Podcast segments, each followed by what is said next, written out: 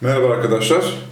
Aman Kayar kitabının e, ikinci kitabının daha doğrusu ilk bölümünü bitirmiştik biliyorsunuz. İkinci kitabının sonuna doğru yavaş yavaş yaklaşıyoruz. Bu hafta nimet mücevherleriyle süslü gıda zinciri ve insanın nasibi başlığındaki bölümü okuyacağız. E, araştırmacı yazar Bahattin Sağlam hocamızla beraber. Hocam hoş geldiniz. Hoş bulduk. E, bu gıda zinciri konusu bu haftanın başlığı. Evet. ilk konusu. Burada bir cümle var hocam. Aklına göre böyledir fakat gerçek bunu reddeder. E, zahiren rızık konusu kim kaptı, kaptı kaçtıya gitti gibi görünüyor. Fakat gerçekte muazzam bir beslenme olayı var. Bütün bitkilerin, bütün ağaçların, bütün hayvanların, bütün insanların düzenli bir beslenme rızkı var. Süt geliyor bebeklere. Beklenmedik yerlerden rızıkları onların ayağına geliyor. Peki görünüşte kaotik bir ortam varmış, Varmış gibi. gibi. Onun perde arkasında çok... Perde arkasında gerçek bunu reddeder. Kaotik değil, düzenli bir rızık var. Hmm, Biz görünüşte çünkü ciddi bir kavga görüyoruz rızık Evet. kavgası. Ama gerçekte Değil. rızık var. Rızık diye bir hakikat var, beslenme diye bir hakikat var. Rızıkları ayaklarına geliyor, Bütün bunların zamanlaması, her şey plan program dahilinde mi işliyor? işliyor. O zaman metni okumaya başlıyorum. Buyurun. Havanın çok hoş olduğu bir gün aynada ile oturmuştuk. Alışılmış üzere cezveyi ateşe sürdük. Şekeri bol kahvemizi henüz bitirmezden evvel manevi gözlem başlamıştı. Bugünkü gözlemim erken olmuştu. Aciz olduğum için rüyada bile uçmaya dayanmazken bu hayali uçuş beni fazlaca yoruyor, sersemletiyordu. Garibi şu ki, dümdüz bir çizgi üzere değil, daima yükselmek suretiyle yukarıya doğru uçmaktaydı. Gözümden küreler, güneşler tümüyle kaybolmuştu. Bir yere geldim, orada artık irademi elime alabilmiş ve uçmaktan vazgeçerek yükselme sınırını bulmuş bir balon gibi fezada durabiliyordum. Bir müddet dinlendikten sonra sağ tarafa doğru uçmaya başladım. Benim gibi rastgele uçmakta olan bir zata tesadüf ettim. Selam verdim. Durdu ve bana kim olduğumu sordu. Cevap verdikten sonra bilgi ve isteğim olmadan buralara nasıl yükseldiğimi sorusuna da ilave ettim. Cevaben Burası berzah alemidir. Ben Fisagors'um. Fisagors mu? Hani şu meşhur Fisagors, filozof Fisagors ha? Evet. Ey büyük ustad ne kadar sevindim. Bilseniz ne şeref. Benim gibi bin tane problemi olan bir öğrencinin sizin gibi büyük bir üstada rastlaması bulunmaz bir mutluluktur. Oğlum burası dünya değil. Bundan dolayı yalana hacet yok. Bana büyük üstad deyip durma. Dünyada çabalayıp gece ve gündüz kafa patlattım yetmemiş gibi asırlardan beri şu berzah aleminde dahi aynı bilinmezi düşünüyorum. Biliyorum ki bütün niteliklerin ve nesnelerin esası vahdettir, birliktir. Ve çünkü sayıların esası tektir. Diğer bir bakış açısıyla kainat dahi düzen ve denge demek. Fakat halledemediğim yönler var. Yazmak ve düşünmek istiyorum. Ne çare ki bu garip boşlukta ne yazı yaza- yazacak levha ve ne de kalem var. Üzerinde biraz kağıtla bir kalem var mı? Üstadın bu açıklaması bana acayip geldi. Hatta berzah aleminde bile endişeden kurtulamayan üstadtan ayrıldım. Bir müddet sonra diğer bir gölgeye tesadüf eyledim. Ona da selam verdim. Selamı almazdan evvel Çırağım Eflatun'u ve onun çırağı Aristo'yu gördün mü? diye sordu. Bu soru karşısında son derece şaşırmakla beraber bu iki filozof dahiyi neden ve niçin sorduğunu sordu. Dedim ki, bunlardan ne istersiniz? Dedi ki, burada alay edip kendilerini tuzağa düşürecek sofestai grubu yok. Canım çok sıkılıyor. Bizim Eflatun'la çırağı Aristo'yu bulsam birbirine takıştırarak onların çene kavgasıyla eğlenecektim.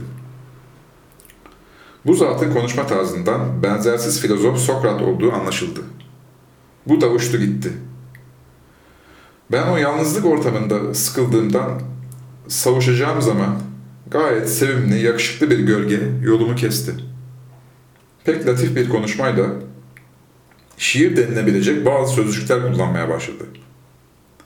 Evet, diyordu, dünyada görüp bildiklerimiz hep yüce alemde ruhlarımızın gördüğü hakikatlerin sönük birer hayal ve hatıra- hatıralarından ibaretti. Ben, kimsiniz efendim? Eflatun'um. Bendeniz burada hiçbir hakikat göremiyorum. Bilakis her ne biliyor ve görüyorsam, dünyada görüp bildiklerimin hatırasından ibaret. Çünkü burası bala alemi değil, berzah alemidir. En aşağı alemle en yüce alem arasında bir geçittir. Dünya ahiret nedir hocam? arası berza geçit, geçit demek. Dünya ahiret arası bir ruhların bekletildiği bir Böyle geçit ter- hali. Bir, terminal gibi desek benzetme olur mu? Yani bir arada bir yer mi? Nasıl bir yer böyle?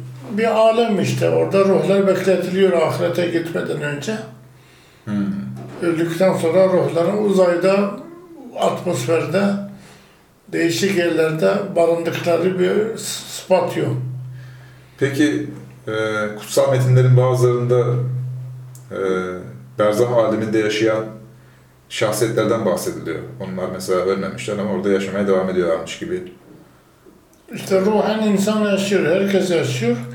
Bizim kahramanımız Raci Bilibeli Ahmet Bey filozof yazar olduğu için o da filozoflarla karşılaşıyor orada. Berzah aleminde. Berza aleminde filozoflarla karşılaşıyor. Yani ahirete gitmezden evvel illaki bir arada bir e, bu Bir alemde bekle, bekleme süresi var. bekletileceğiz, bekletiliyoruz. Bekletiliyoruz. Gerçi burada dünyada olduğumuz gibi bağlı değilsek de yine saf ruh olmadığımız meydandadır. Dünyada cismimiz vardı. Burada da şu kadar ki cisim maddi değil, cisim şeffaftır. Astral beden, Astral beden. nurani bir beden var yine. Tam ruh soyut olduğu için Hmm. tam soyutluk olmuyor. Bir beden giydiriliyor orada, nurani bir beden. İlginç. Binaenaleyh bu berzah aleminde e, görüp bildiklerimiz öncekilerin hatırasının hatırasıdır. Fakat bu berzah alemi denilen şu boşlukta niye saplanıp kalıyoruz? Neden o bala alemi dediğiniz yerlere gitmiyoruz? Valla yüksek demek. Yüksek. Ahiret alemi, en yüksek aleme git, gitmek. Neden oraya gitmiyoruz diyor. Gitmiyoruz. 2000 senedir benim de düşünüp düşünüp kafa patlattığım bir bilinmezdir bu. Neden bu berzahta ikamete mecburuz? Şayet burasını anlayabilirsek rica ederim gel beni de haberdar et. Öğrencilerim bekliyor. Ben onlara ders vermeye gidiyorum. Hoşça kal, Allah'a ısmarladık dedi. Ey ilahi filozof biraz durunuz. Bu berzah aleminde de ders vermek, ders almak gibi ilişkiler var mı? Bu gibi eğlenceler de olmasa burada insan sıkıntıdan çatlar. Hem neden saklayalım? Öğrencim Aristo'nun bana karşı öne sürdüğü bir sürü itiraz ve tenkitlere cevap vermekten hoşlanırım. Eflatun da gitti. Ben belalardan, maddi ilişkilerden, ihtiraslar ve etkilenmelerden berzah aleminde bile kurtulunmadığına hayretler içindeyken gözümü açtım. Koca aynalı, ne uçan var, ne uçuş. Bir hisle o da var, o da var. Bununla beraber evlat, safralıcasın, safran kabarmıştır, sana bir kahve pişireyim, diyordu. Kahveyi içtim. Uyan, uyandı ama bir daha uy- uyutulacak. Tekrar uykuya dalıyor. Te- Tekrar uykuya dalıyor. Kahveyi içip tekrar uykuya dalıyor. Bu sefer kendi çağdaşlarını görüyor orada. Ha, ilginç. Evet, ardında yine kendimi uçar bir şekilde gördüm. Görüyor, evet. Etrafımda bir sürü gölge uçmakta. Ben de maksatsız ve hedefsiz bunların arasında uçmaktaydım. Bir müddet şuraya buraya uçuştan sonra diğer uçanlarla birleştik. Bunlar bir sürü yazarlardı. Ahlak yazarı, edebiyatçı, şair, hekim, her boydan her cinsten vardı. Tartışıyorlardı. Sohbetlerine doğal olarak ben de karıştım.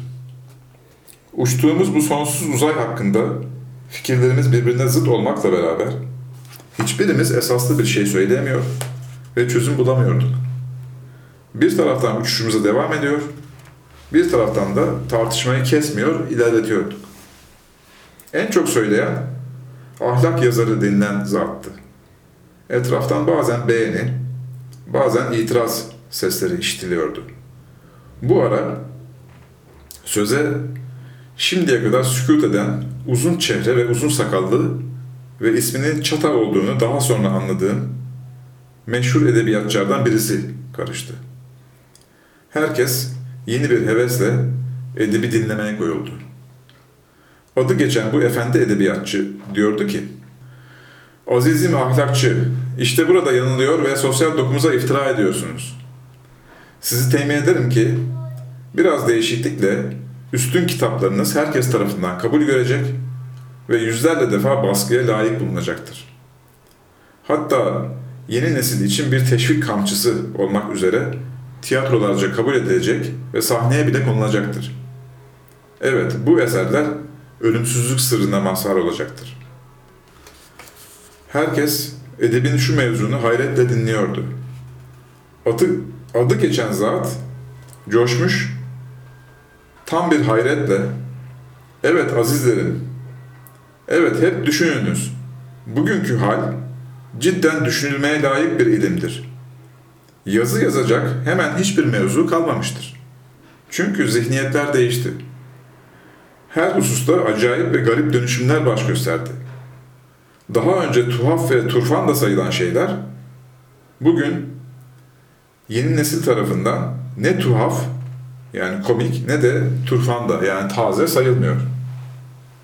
Devir her şeyde birçok yenilikler mi diyeyim yoksa delilikler mi diyeyim yenilikler icat etmiştir.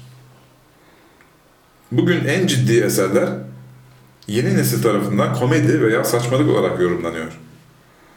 Bundan dolayı hayatı bir makine, ruhu bir hayal, vicdanı adi bir kalıtımdan ibaret görmek ve yaşamak, bunları fedakarlık ve vazife gibi kelimelerle niteleyen üstün insanlar ile eğlenmek demek değil midir?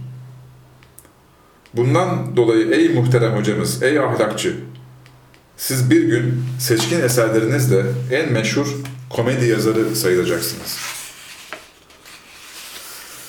Bu nutuk devam ederken biz de bir sahaya yaklaşmış, uçmaktan vazgeçmiştik.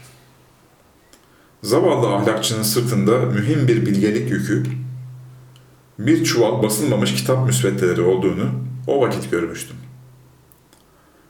Adı geçen zat, uçuşun şiddetinden mi yoksa nutkun tesirinden mi nedir bilinemez bir sebeple pat deyip yere düştü. Hepimiz etrafına üşüştük. Arkadaşı uçuşumuzdan ismi Doktor Pataban olduğu anlaşılan uzman bir doktor ahlakçıyı muayene etti. Sübhanallah mide bomboş. Hazmedecek bir şey yok. Bu baygınlık midenin kendi kendini sindirmesinden ileri gelen bir durum, dedi. Edipler ve yazarlar tarafında bu tartışmaların tatsızca devamı, diğer tarafta grup halinde toplanmış diğer bir kitleye karışmama sebep olmuştu. Bunlardan iki kişi şöylece konuşuyorlardı. Hava teneffüsünde eşitlik yok. Her şeyden vergi alınan dünyanın bu döneminde hala hava üzerine bir vergi konulmamış olmasına ne dersin? Bundan daha garip bir şey olur mu? Azizim cidden, cidden hoş söylüyorsun. Böyle bir vergi teklif etmeli. En az birkaç yüz milyon frank değil, lira gelir toplanır. Ucu gelmeyecek gibi olan bu sohbete de kulak misafiri olmaktan vazgeçtim. Temizce giyinmiş bir zat ayakta duruyordu. Meğer bu zat da yazar ve edip imiş. Şuradan buradan biraz konuştuk. Bana akrabam gibi faydalı eserler telifine zaman ayırmayıp da faydasız bir şekilde ömrümü geçirdiğimi söyleyerek kınamalarda bulundu. Ve en azından bu sene bir eser yazıp yazmadığımı sordu. Karalamaya çalıştığımı, lakin tozdan dumandan ferman okunacak sıra olmadığı cevabında bulundum. Adı geçen zat bir alay gülücüğü fırlattıktan sonra bak ben bu sene mükemmel bir eser telif ettim. İsmini söylesen ne çıkar? Çünkü bir şey anlaşılmaz. Şu kadarını unutma ki ilim tek başına kıymettar bir şey değildir. İş bilen adamların işlerini kolaylaştırma itibariyle ancak bir ehemmiyet ve kıymet kazanabilir. Bu gerçeklere vakıf olmayan alimler züğürtlerin takdirini kazanabilir. Ama kendisi ebediyen züğürtlükten kurtulmaz. Parasız, bol alkışların ve takdirin züğürt tesellisinden başka bir kıymeti var mıdır? Önümde geniş bir meydan görünüyordu. Halk küme küme topluluklar meydana getirmişti. Bu berzah aleminde pek meraklı olmuştum. Haydi bakalım şurada ne var dedim. Uçtum yürüdüm. Nihayet meydanlığa ulaştım. Oraya toplanan halk, ekonomik sınıflar itibariyle birçok gruplar teşkil etmişti. Meydanın ortasında yüksek bir yer yapılmış, ortasına da büyük bir macuncu fırıldağı asılmıştı. Acaba bu nedir diye merakla bakarken, biraz sonra müthiş bir kambur geldi. Fırıldağın bir ucuna oturdu. Bunun hem önünde hem de arkasında kamburları vardı. Ömrümde hiç böyle çift kambur görmemiştim. Garibi neresi? Neresi tuhaf değildi ki? Bunun ön kamburu şeffaf olduğundan içerisi görünüyordu. Kamburun içi adeta bir tüccar mağazası gibiydi. İçinde sayısız muhtelif malzemeler vardı. Bakış açım acayipleşmiş. Kamburun içini adeta Mescid-i Aksa avlusundan büyük, çok gözlü bir mağaza gibi görmekteydim. Şaşkınlığıma sınır yoktu. O aralık elinden tutarak yürüttükleri bir şahsı getirdiler. Baktım, bu bir kör. Fırıldağın yanına oturttular. Bu esnada daha önce görüştüğüm ahlakçı, edebiyatçı grubu ve Doktor Pataban da gelmişlerdi. Yanımda birisi fısıldıyordu. Bu kambur felek, bu kör de tarihtir. Hepimiz fırıldağın etrafına dizildik. Etrafında halka oluşturmuştuk. Kör fırıldağı çeviriyor. Fırıldakta oturup dönen kamburun ön kamburundan çıkarttığı, attığı değişik maddeleri etraftakiler kapışıyor. Tuhafı şu ki herkesin nasibi olan nesne başına düşüyordu. Sıra yazarlara, editlere geldiği zaman bunlar da bir halka oluşturdular. Ben memurlar ile yazarlar arasında bir mevkide duruyordum. Memurların çokluğu beni tamahkarlığa düşürdü. Yazarların safından sokuldum. Tuhaf tesadüf, sırtında bir çuval basılmamış kitap olan ahlak öğretmeni benim sol tarafıma düşmüştü. Müthiş kambur herkese bir şey atıyordu. Sıra bize gelince başıma isabet eden ağır bir şey beni yuvarladı. Esasen pek cılız olan ahlak öğretmeni çat cenapları da benle beraber yuvarlanmıştı. Sersemlikten kurtulunca ilk işim nasibime düşen beni yerlere yuvarlayan şeyin ne olduğunu kontrol etmek oldu. Aman ya Rabbi bu bir küfe çürük domatesti. Domateslerin bir kısmı başıma, yüzüme, gözüme bulaşmıştı. Talime düşen bu garip domates salçasıyla kaplanmış bedenime bakarken, arkadaşlarımın nasiplerini seyrederken, benim içinde bulunduğum durumdan daha tuhaf bir manzara karşısında hayrete düştüm.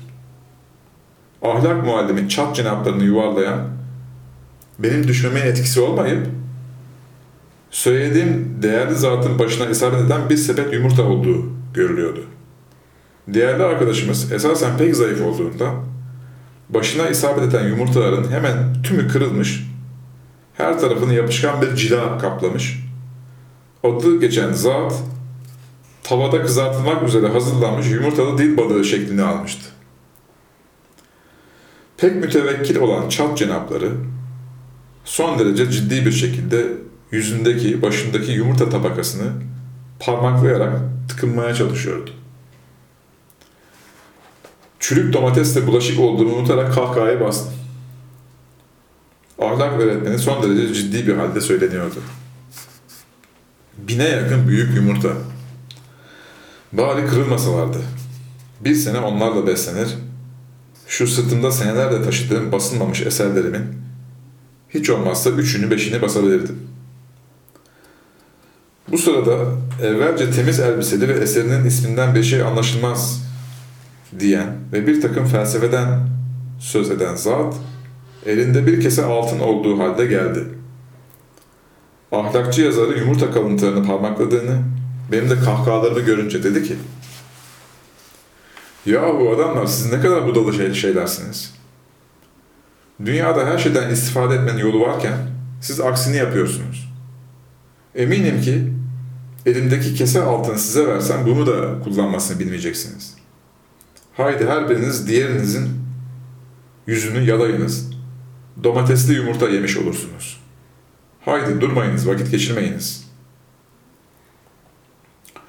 Bu sözlerin bitmesinin ardından saygıdeğer ahlakçı yazar hemen kucağıma atıldı. Kollarını boğazıma doladı. Zayıflıktan, gıdasızlıktan Güney Amerika'nın karınca yiyen hayvanının hortumu şeklini alan, yarım karış, ince ve sert diliyle yüzümü yalamaya başladı. Kedi dili kadar tırtıllı olan bu dil yüzüme dokundukça o kadar gıdıklandım ki değil karşılığında yumurtalarını yalamak, deli gibi gülmekten katılıyor. Bir taraftan da aç ahlakçı faziletli yazarın demir kadar sert, ince kenetlenmiş kollarından kendimi kurtarmaya çalışıyordu. Gırtlak gırtlağa yuvarlandık. Bir aralık kendimi kurtarabilmiştim. Gözümü açtım. Koca aynalı elinde bir tabakla mezarlık kapısı tarafından geliyor. Tebessümle söyleniyordu. Alem bir deniz, sen bir gemi. Aklın yelkeni, fikrin dümeni. Kurtar kendini, ha göreyim seni. Tabağı önüme koydu, oturdu. Yani rızık kanundur, düzenlidir. Allah tarafından yaratılıyor. Fakat insanın çabası da lazım. Onun için Aynali böyle diyor. Alem bir deniz, sen bir gemi. Aklın yelkeni, fikrin dümeni, kurtar kendini. Ha göreyim seni. Direksiyonda sen varsın diyor. Direksiyonda sen varsın. Yani Allah bize bırakmış çalışmayı. Rızık belli, Rızık belli, ama çalışarak ulaş. Çalışarak ulaşmak, elde etmek, kullanmak bize düşer. Evet hocam. Tabağı önüme koydu, oturdu.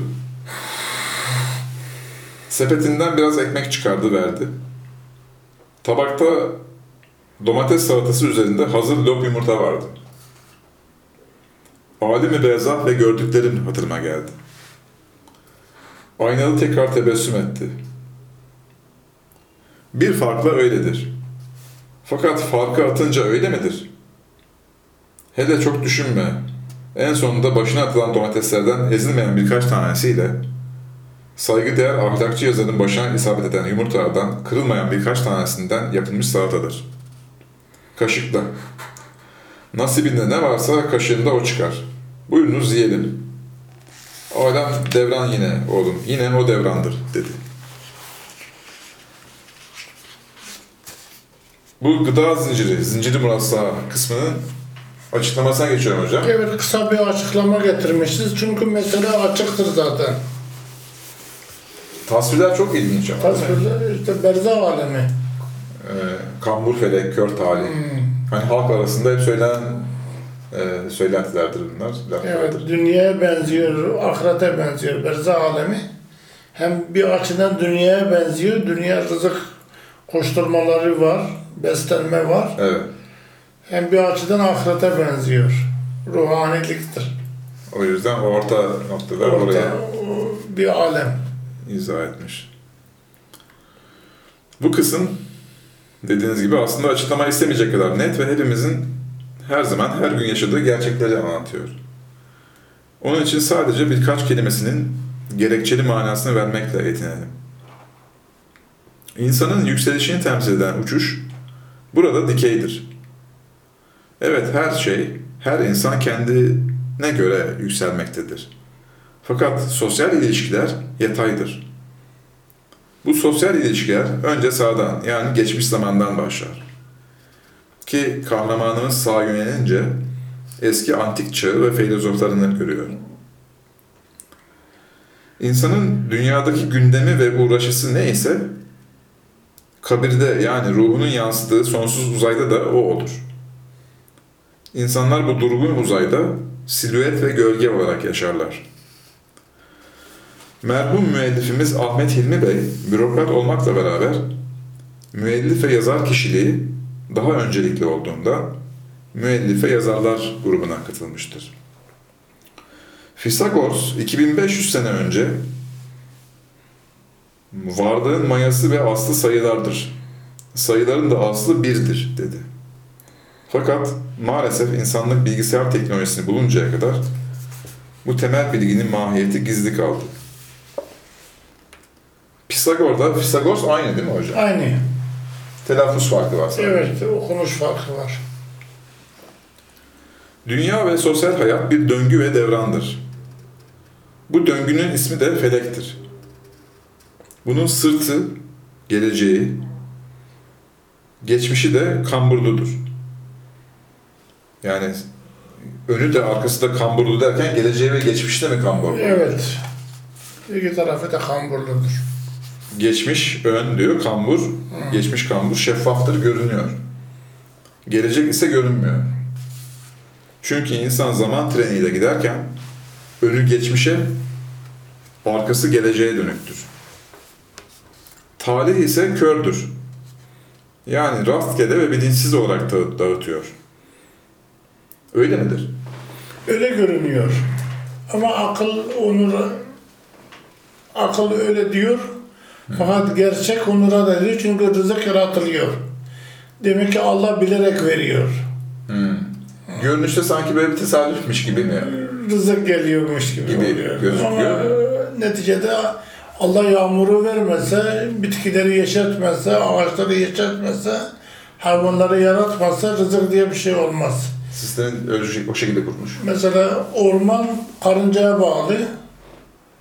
Karınca olmazsa orman olmaz. Orman olmazsa hayvanlar olmaz. Hayvanlar olmazsa insan aç kalır. Tabii sistemin bütününü görebildiğiniz zaman Demek ki birisi bilerek yaratıyor, ayağımıza getiriyor. Ama kambur felek eliyle geliyor. Talih. Evet. Talih ise kördür. Yani rastgele ve bilinçsiz olarak dağıtıyor. Evet, alt başlıkta da anlatıldığı gibi rızık ve beslenme görünüşte ve akıl ölçülerine göre tesadüfe ve kör talihe bağlıdır.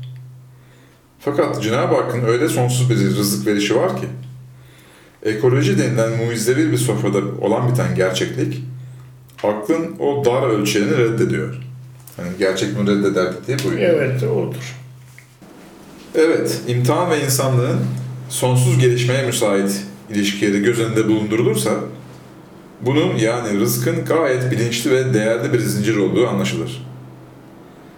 Ki insan imtihan dünyasına atılmadan önce gıda zincirinin en alt tabakasındayken dinlerin gelmesinden ve insan nevi imtihan meydanına atıldıktan sonra rızkın ve gıda zincirinin en zirvesine çıkmıştır. Kur'an'da Allah siz insanlara bütün güzel yemek ve nimetleri verdim demekle bu gerçeği hatırlatıyor. Müellifimiz de bu rızık gerçeğine zincir-i murassa demekle bu yönü kastediyor. Gıda zinciri ne demek oluyor? Evet, süslü. Süslü. Murassa süslü. Mücevherlerle süslü. Mücevherlerle süslü gıda zinciri. Gıda zinciri. Yani İşin gıda içinde, zinciri işin içinde Allah'ın kasıt ve iradesi var ve insan gıda zincirinin başına geçmiştir.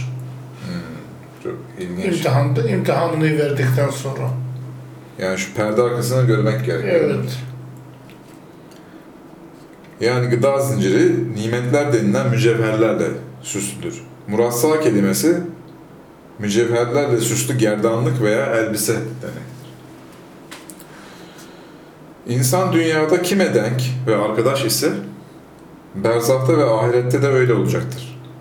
Onun için müellifimiz berzah aleminde filozofları ve yazarları görüyor. Kendisi de yazar ve filozof. Hmm.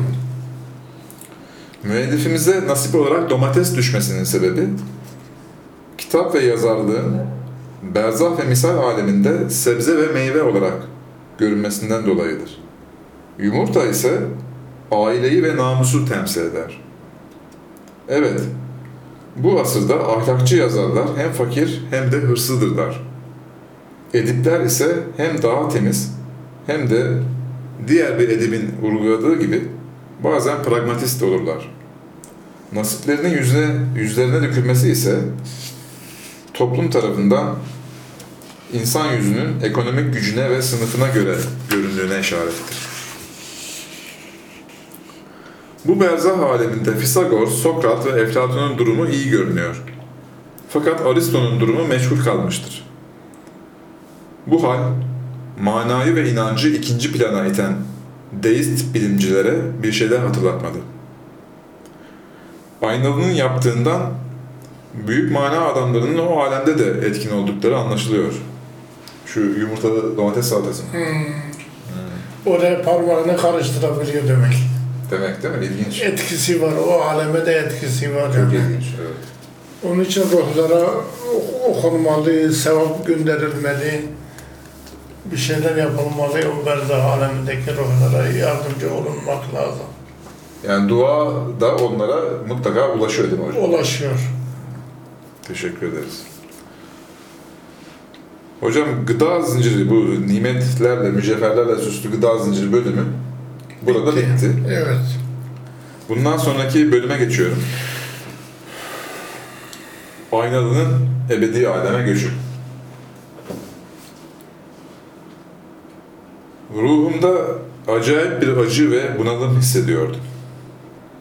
İşlerimi bitirmezden evvel Aynalı Baba'ya uğradım. Beni görünce mütebessim ve fakat değişik bir sima ile ''Evladım ben artık buradan göçüyorum.'' Zahiren ayrılmamız lazım geldi. Cenab-ı Hak elinden tutan ve rehberin olsun. Sen yarın sabah da bir zahmet uğra. Sana bir dağarcıkla içindekileri yadigar ve hatıra ve hediye olarak bırakıyorum.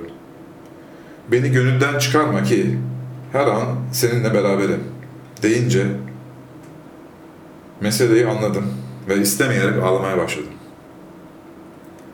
Aynalı baba da ağlayarak beni bağrına bastı. Ne yapalım evladım, konu göçmek alemidir. Neden dış görünüşte kalmalı? Allah her an yeni bir niteliktedir. Biz Allah'ın yasasından hariç olamayız ki. Geç vakte kadar yanında kaldım. Fakat saatler ne kadar çabuk geçmişti. Göz nurunu kapan şimşek miydi bilmem. Pek yakıcı bir veda ile ayrıldık. Bütün gece uyku uyumadım. Seher vaktinde mezarlığa yola çıktım. Hoş bir seher rüzgarı esiyor. En katı gönülleri bile bir birlik rüzgarıyla ve ruhaniyetle dolduruyordu. Ben çok korkuyor ve acı çekiyordum.